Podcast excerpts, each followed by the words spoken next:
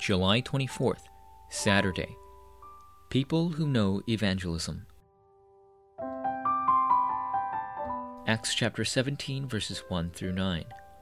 As his custom was, Paul went into the synagogue, and on three Sabbath days he reasoned with them from the Scriptures, explaining and proving that the Christ had to suffer and rise from the dead.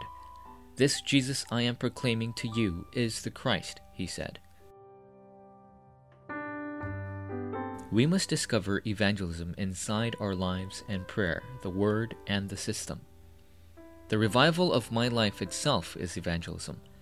Evangelism is also when my prayer becomes the correct prayer and the Word is living and active. My field and the system being revived is evangelism.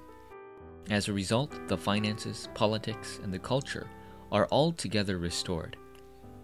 In order to receive the accurate answers concerning evangelism, as children of God, we must possess something of grave importance. Number one, correctly know the scriptures. Through the scriptures, we are able to comprehend why the gospel must firmly be held on to. Due to the fact that the incident of Genesis chapter 3 and Satan's manipulation exists today, we must absolutely hold on to the covenant of the gospel. Not being aware of these spiritual aspects, you will inevitably fail. We must correctly know the field of this world. The events of the Bible continue to exist in the world today. Therefore, we must realize why the gospel must be held onto, why we must hold on to the covenant of this age, and why we must grasp the personal contract with God. Number two, correctly know evangelism.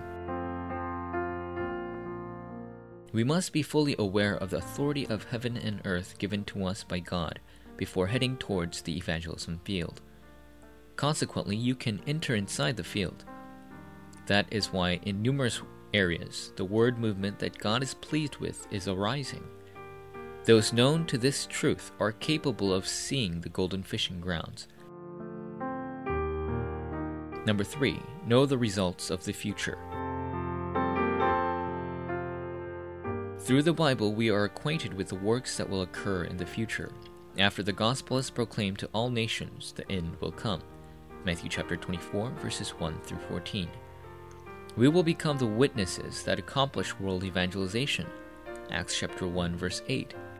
The day will arrive when the Rome of today will be conquered by the gospel. Acts chapter 19, verse 21. The truth that the blessings of an evangelist have already been given to us must be held on to.